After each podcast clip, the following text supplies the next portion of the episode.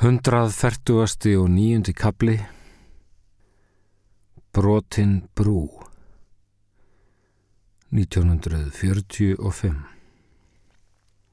Þeir voru ferjaðir yfir ána á herprama. Síðustu dagar voru sem í móki, pappi hafði gengið yfir hálft Póland í svefni en vakað allar nætur. Starað upp í svartan heiminn og gráan skó var orðin stjarfur af stríðstóða og innan lamin af þúsund brennandi líkum.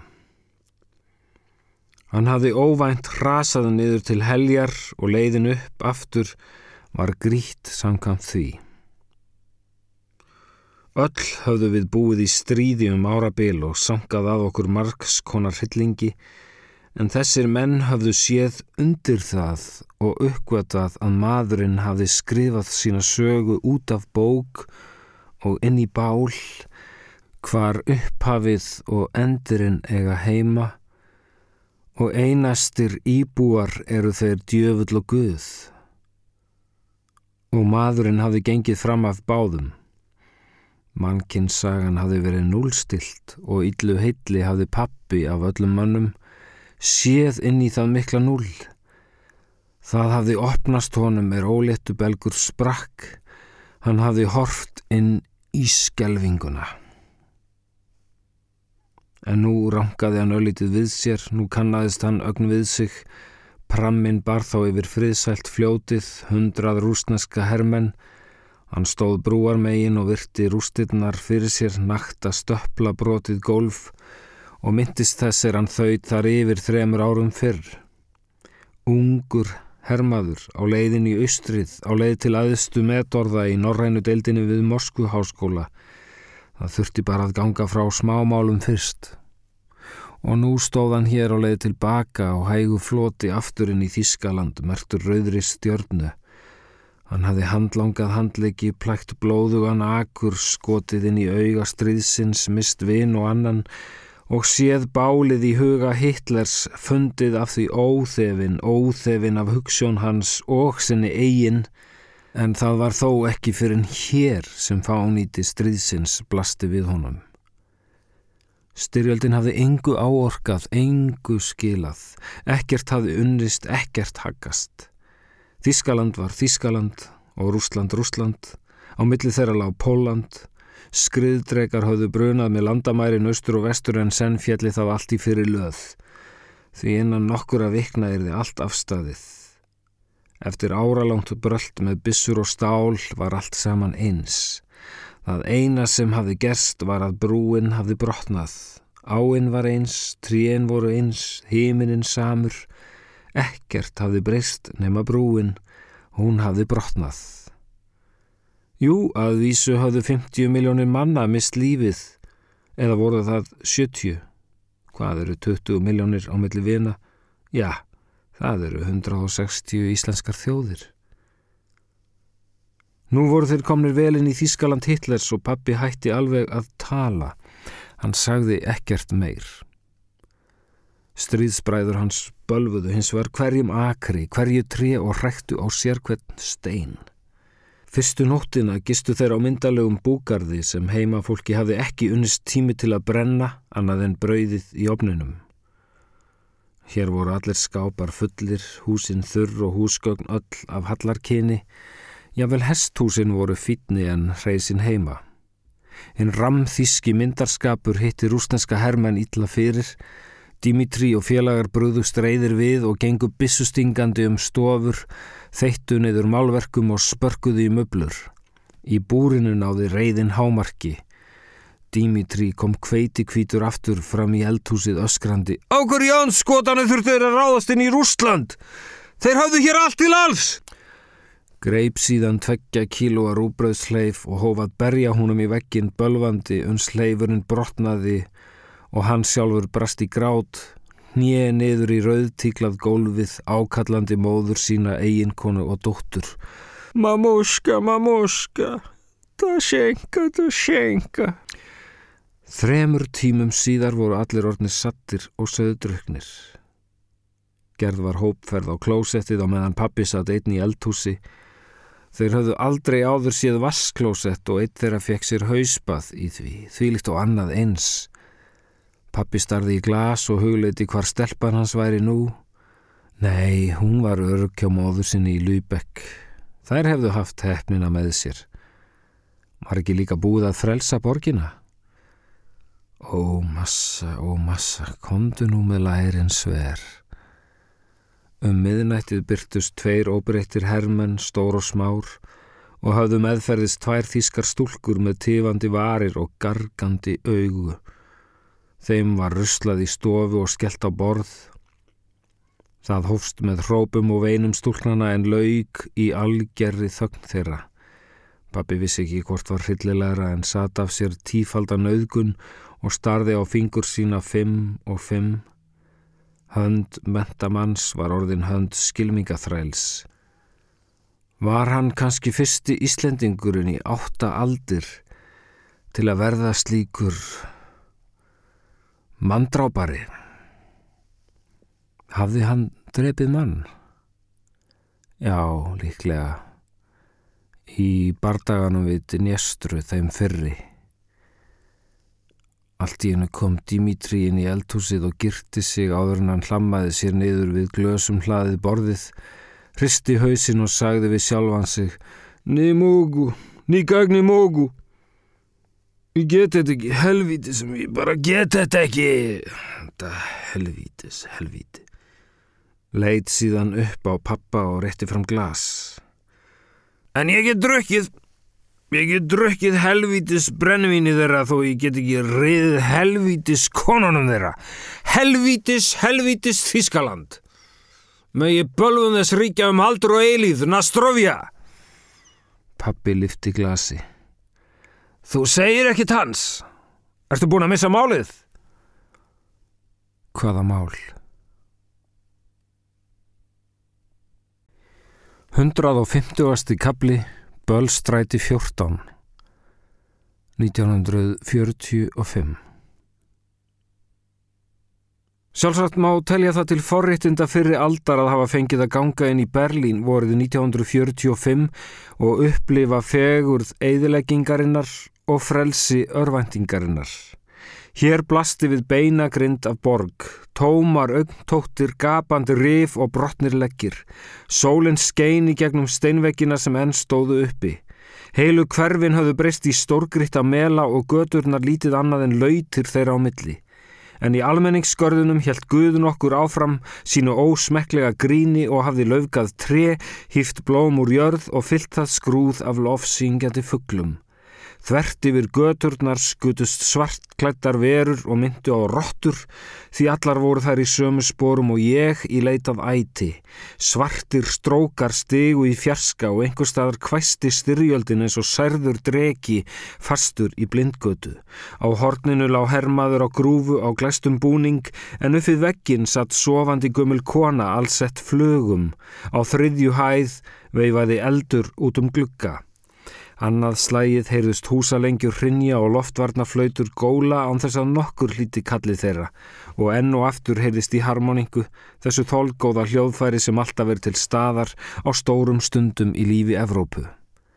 Skriðdreiki byrtist fyrir horn og mjakaði sér inn götuna líkt á forsögulegt skriðdýr án þess að nokkur maður hyrti um hvort á honum var í kross eða stjarna í beltunum hægra megin var handlegur fastur, þannig að höndin stóð út og ferðaðist hringin upp af stræti og niður líkt á tragikomisk veifa. Við vorum öll eins og borgin sjálf að niðurlótum komin, hel tekin af kæruleysinu sem tekur við þegar langþreitan er á enda. Þegar maður hefur þurft að berjast fyrir því að lifa daginn af hvern einasta dag svo árum skiptir og sigur virðist í auksín, verður manni skindilega alveg sama um lífsitt. Ég klöngraðist yfir brotna veggi, búin að týna öllum þessum 2000 manneskim sem ég hafði kynst á leiðin yfir Póland og átti í engin hús að venda, enda svo sem engin hús hér eftir. En ég átti þó meira en margur annar, áætlun og farar eiri, nafn á amerískum manni og fágæta perlu í vasa, kannski var ég ríkasta stúlkan í Berlín. Ég spurði mig í áttað réttri götu, hverfið var einn múrsteins melur. Krippu kona kemdi búðarúst í leitað æti en leit upp er ég spurði og sagði með skarði vörum leið og hann benti út yfir steinrúðunar. Ég held að Bullstrassi hafi verið þarna, það sem húsistöndur. Þak flatt steinhús stóð langt úti á melnum líkt og íbúðarhús í sveit. Vorsólinn skein á þessa hörmungalla eins og húsmóðir sem kveikir ljós í miðju næturteiti svo það skellur af illu afli á uppsölur og glerbrót. Þótt góða veðrið væri kærk komið eftir langan vetur fór það jafn mikið í tögarnar á mér og fjandans fugglasvengurinn. Ég arkaði yfir að húsinu yfir íslenska grótörð Það stóð þarna tvílift og klassist í stilnum með skattaða veggi og súlur tvær fyrir dyrum. Framan við fjórar tröppur stóð varðmaður á síðum frakka. Hann var risavaksinn þýskur herrmaður en greinilega eitt þeirra traugáfuðu sem geimdir voru heima við, líkt og klaufin hans á Hamburger Bahnhof. Hann stóð hér sína síðustu stríðstaga og svitnaði í sólinni, drópar komu skrýðandi niður úr hjálmskugganum. Ég spurði hvort hér var í Bölstræti 14 og hann svaraði já, hvort hér var í Háttmann og hann svaraði nei. Vörtusvíin hafði fullirt að dullnefni Amerikumannsins var í Gerhard Háttmann. Býr hér ekki maður að nefni Gerhard Háttmann? Nei, ég hugsaði mig um. En Amerikani sem heitir Skjúinsson eða Skevinsson? Nei. Ég sá þó að varðmaðurinn var að ljúa og eftir nokkurt nöð fór ég loks í vasan og sótt í farareyrin þann sem átti að kaupa mér far til Íslands með næsta Amerikuskipi heim.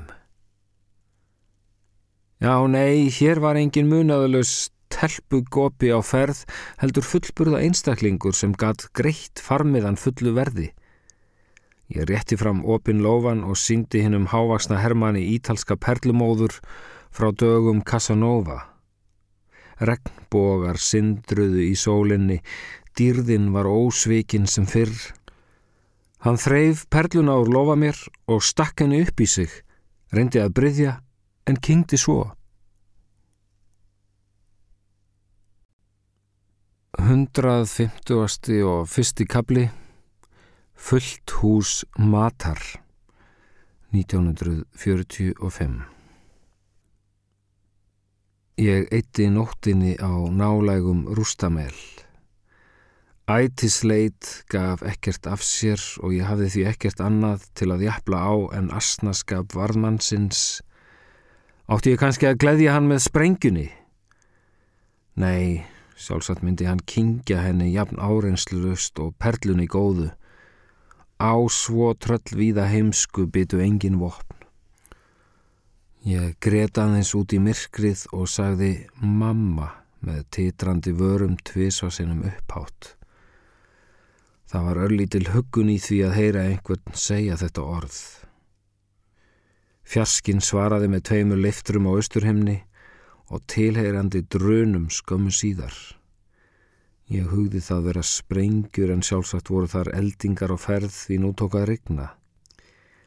Ég skreið undir hrunin húsvegg sem kvildi annan endan á jarðföstu múrbroti, svo úrvarð örlítið greni fóðurað með fúkalikt og steinríki. Sjálfsagt var hættu spil að leggjast undir slíkt steinflikki, hér gæti allt hrunið enn, en að tvennu yllu var þó skarra að deyja en verða gegndrepa. Ég lagðist á hliðina, fann fyrir öllum mínum beinum, fann hvernig þau voru lúin, lögð á stein, líkt og málum þreytt áhöld, sjálfsagt var það fyrsta bóðum döðans, og góndi glórsoltin út í regnskorið myrkrið eins og dýr af óljósri tegund sem klæðist kápu. Dróparnir hóluðu stein og annan af miklu afli. Að lokum sopnaði ég og satt best að segja svaf ég undarlega vel, svo vel að ég vaknaði stein hissa. Er ég skreið upp úr hóluminni eilitið síðu vot, vissi ég ekki strax hvar ég var og upplifði örstuðt sælu blik áður en ég var aftur skráð til heimilis í síðari heimsturjöld. Klukkan hefur vart verið meira en fimm eða sex því austurhiminin var árrauður og stríðið ennþá sofandi hvergi var fuggl á ferli. Ég tilti mér á steinbrott svo ég geti virt mig fyrir mér í fjarlægð heillar æfi og sjá.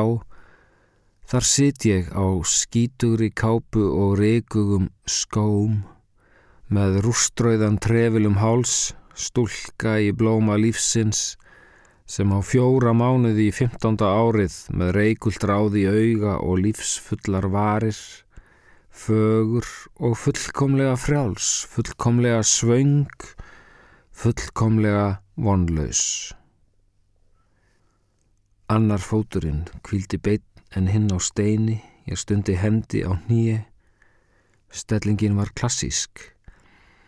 Ég myndi á forngríska stittu af einhverjum meifögurum ung guði nema hvað ég var lifandi en umhverfið allt úr marmara dött.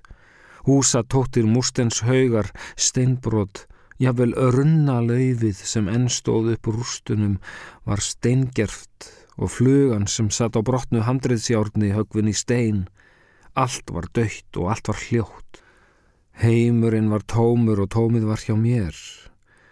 Ég var evrópskur unglingur og vormorni lífsins og svona líka ljómandi heppin því hér var komið versta vor sögunar. Arfur kynnslóðana hafi verið jafnaður við jörðu Allt það sem mannkinnið hafði streðað við, byggt upp og stemtað í þúsund ár, allt sem hafði skilað mér í þennan heim, hafði nú verið þurkað út. Fyrir vikið stóð allt opið, allt var mögulegt og þó aðeins eitt. Ég fann þá rák í andrúminu, þá rispu í þessu róða bíti, sem lág frá mér til þess sem verða vildi, rispu sem líf mitt yrði að renna um, líkt og vatnið sem alltaf leitar næstu leiðar niður, já, allt í hennu var ég heldtekinn þeirri djúbu vissu að þessi fagri marmara dagur myndi leiða mig til glötunar. Ég gekk aftur yfir að eina húsinu sem enn stóði bölstræti og sá að þar stóð nú engin varðmaður. Ég reyndi við dyrnar en þær voru læstar, gekk síðan ringin í kringum húsið og settist loks á stein, beigð eftir því að sólinn bætti við það skugga. Eftir klukkutíma kom fullorðin kona kjagandi yfir grótmelana og tilti sér á tröppunar. Varðmaðurinn rak hana burt með offorsi um leið og hann hafði stöylast út og tók síðan fyrir stöðu. Ég beigði eina tvo tíma án þess að heimski risin svo mikið sem breyði sér frá til að pissa. Loks öskraði hungrið svo kraftulega á mig að ég lagði af staði átt til borgarnar þar sem húsin stóðu ennþá.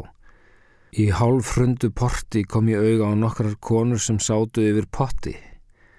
Ég starði á hópin uns að þær gáfi mér merki og þínast bita af undalegu kjöti sem ég spurði ekki hvort væri af hundi eða róttu. Ég þakkaði fyrir og reikaði út eftir þröngur í götu. Á báðar hendur stóðu glervana húsveggir líkt og leikmynd. Í dimmu andir er yfirst tvö börnum brauðleif, viðuregn sem laug með því að annað þeirra ældi á hitt. Utar í götunni stóð bókabúð, framhliðin var af og í hillunum voru bækurnar þaktar steinríki svo þær voru allar eins að sjá eitt samfelt ritsapn í þúsund bindum. Ég greip eitt þeirra og faldi mig innst í búðinni, sopnaði þar og vaknaði í verki eftir siller og meðan drekar fóru um strætið. Tekið var að rökva og mægin hófsitt ylfur á ný. En aftur var hefnin með mér fyrir einhverja hátíðlega slistni rakst ég á fullt hús matar í öðru fundu Rökkrið byrti mér lýsandi kvitt egg, óbrotið og hardsvoðið. Hvernig stóð á því hér? Ég átað með skurninni í þremur bitum. Kom þá auga á ljóthærða konu við hrunin stromp. Hún glotti gulum tönnum. Ertu þaklaus? Kontu með mér. Við gengum baktir að megin inn í nokkuð heillegt sexhæða hús sem hún sagði standa í Lichtenberg hverfinu. Hinn húsinn í götunni voru flest án þaks og á eitt þeirra vantaði nokkrar hæðir. Hermenn sátu á tröppum og reyktu í þögn en hrópuðu eitthvað um leið og þeir sáu okkur hverfa fyrir húshornið. Ég gæti ekki betur hirt en það var í rúsneska. Í bakgarðinum lág lík af ungum dreng. Fugglar hafðu flóið með augu hans til himna. Í næsta gardi óks svartur reykur, fögur, stríðsjurt. Konan hétt Birgitta og átti erfitt með gang upp stigan tók aðeins eina tröppu í einu og afsakaði sig með hnustandi brosi mm, rúsaverkir. Á stigapalli satt mannasaur í horni með flugum og lykt. Við gengum beint inn í gamalgult eldhús á þriðju hæð þar sem móður hennar satt að staupi og glattist mjög við komu mína. Frische sjönhætt! Og heldist ríhærð í glas. Það vantaði tönn í glottið og rúðu í klukkan. Þær maðgur voru frá stettin og hafðu eitt sinn verið fegurðar vakar á stettinum þar en nú var svo eldri nánast orðin að karli en svo yngri að dreng. Það rættu saman í kvössum setningum á málísku sem ég skildi ekki en brostu síðan við mér á ný og fóru með skálaræður. Ég saup á eldvatni og hjælt því niðri þar til máltíð bættist í hópin svo fyrsta frá því ungmæri nöyt gestristni fjölskyldunar í postnan. Ég ældi því öllu út um þakklukka á sjöttu hæð, tunglskinnið sló eign sinni á gumsið, síðan leiti ég út yfir myrka rústaborg og hlíti á andvarpennar. Það leindi sér ekki, það blasti bókstálega við, borgin var að gefast upp. Híminin var flughljóður og andrumsloftið þjættað háværu suði líkt og verður að lokinni stórri háreisti. Í fjarska hundi kirkjuturn með láværu braki og einhver staðar heyrðist galað út um glugga. Der fyrir er stót! Síðar um kvöldið og morgunin eftir streymdu rúsneskar herdeildir inn strætin með sigurópum og kósakasöngum. Ég flytti mér niður með flöskur og ost. Maðgurnar nýttu íbúð á efstuhæð fyrir búr og hér skorti korki mat niður vín. Þegar ég kom aftur niður á þriðju, sátu nokkri rússar hjá maðgunum og rögu upp með spangólum er þeir sáu mig og flöskurnar. Eitt þeirra, ungur nefmaður, króaði mig af í horni og andaði að mér ólikt sem myndi í senn á fallbissu gín og flöskustút. Blóðsvartar hendur hans þukkluðu brjóstinn og smásárin í andliti hans tóku að krauma. Síðan sagði hann eitthvað á rúsnesku og snýri sér að félögum sínum sem hlóu ægilegum hlátri sigurs og losta. Svo stríharða skengti í glösin og síðan var sestað drikju, skálað á öllum tungum í bóði og hleyið í bland á meðan byggingar brunnu út í nóttinni. Ég var sendt upp aftur eftir meira víni. Í stíganum raksti á svartærða konu og hnésíðum serk sem stóð þar draugslega föl og fingur í ettin og spurði brostnum augum Hefur þú séð Jóhann? Þú hefur ekki séð hann Jóhann? Hann bjó hérna hann Jóhann? Hún reyndi að elda mig inn í eldhúsið en Birgittu móðir ítti henni út og skellti aftur hörðinni Hún er snarúð. Það vill hana engin. Sá elsti í hópnum var fóringin varaþunnur og þunnharður maður ögn ístraður og hafði greinilega eignað sér byrgittu. Hún virtist full sátt við hönd hans á læri sínu. Kærlingin óg sér í Karlmanns aðteglinni líkt og endurfætt til fyrir máttar og lit skína í skoru. Ég var umkringt hungruðum augum Mér var ljóst að ég hafði verið leitt í gildru. Færi ég á klósett fylgdi mér maður. Fyrir karlmannum var stríðinu lokið en fyrir okkur konum var það rétt að hefjast.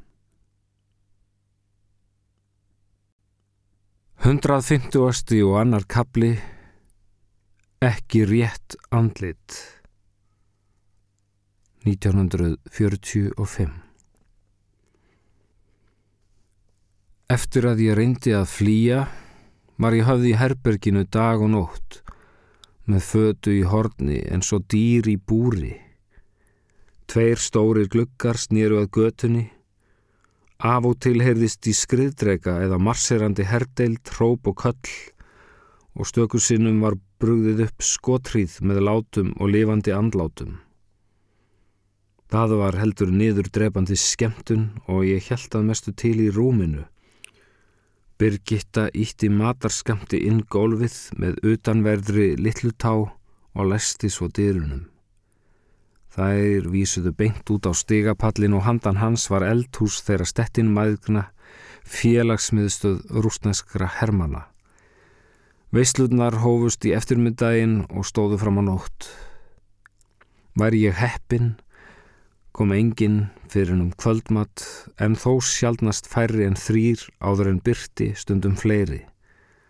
Fyrsta vikan rann saman í langa nótt fulla af másandi dýrum, illa þefjandi volgussónum og stinjandi stríðsherrum af eldratæginu sem hægðu sér á 15 ára stúlkulind.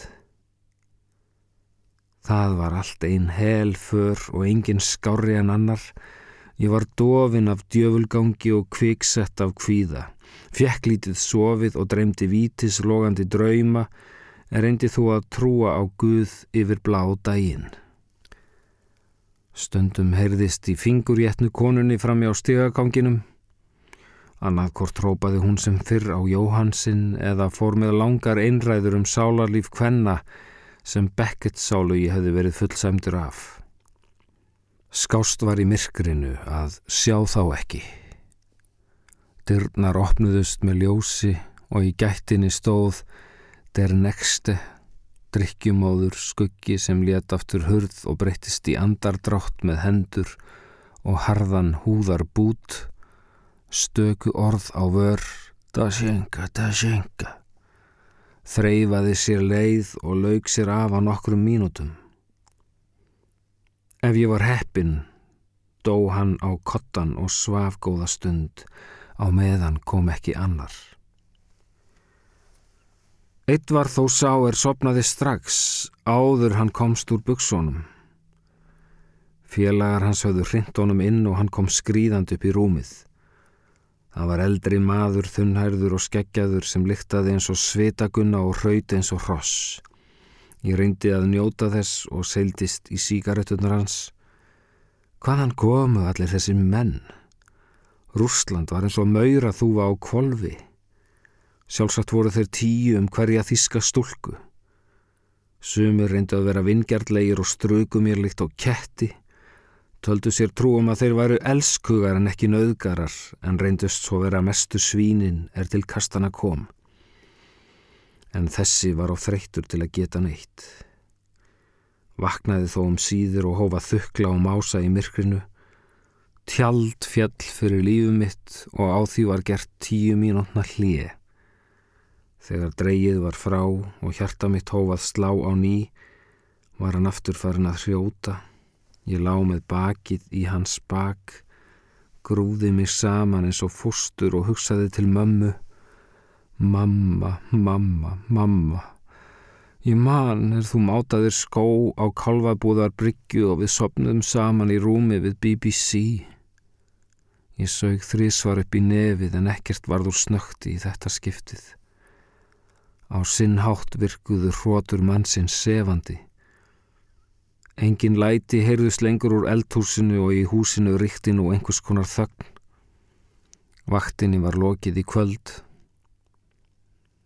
Ég náði loks að sopna og dreymdi heiskap í svefnegjum, sólskin og uppbrettar ermar. Rúsneski hermaðurinn rumskaði í bítið daginn eftir. Stálgrá byrta sýrðist inn um gluggana tvo og upplýsti smálóðuna Karlmannsöksl. Einhver furðu kvöt fekk mér til að blása létta á hárin þar sem ég lá á kottanum og virti þau fyrir mér. Mislaung bærðust þau í þeirri gólulikt og íslenskt heiðakjarr. Æ, myndi ég nú nokkuð tíma sjá slíkt aftur, sjá landið mitt aftur, sjá Hann snýri sér á bakið og andlit hans blasti við mér. Það var ekki rétt andlit. Alls ekki rétt andlit. Hann rángaði við sér, Við horfumst í augu og örðum eins lík á svipin og fadir og dóttir hafa nokkru sinni orðið frá því að heimurinn byggðist. Á einu augnabliki raðaðist líf mitt upp í kabla, óhaganlega steinstifta kabla, öll mín framtíð líkt á herbergi í stigahúsi. Það eina sem beð mín var að arka þær tröppur allarleið hingað í bílskur. Niðri í stiganum heyrðist óða konan góla en fyrir utan sungu fugglar. Stríðinu var lokið og lífi mínu þar með.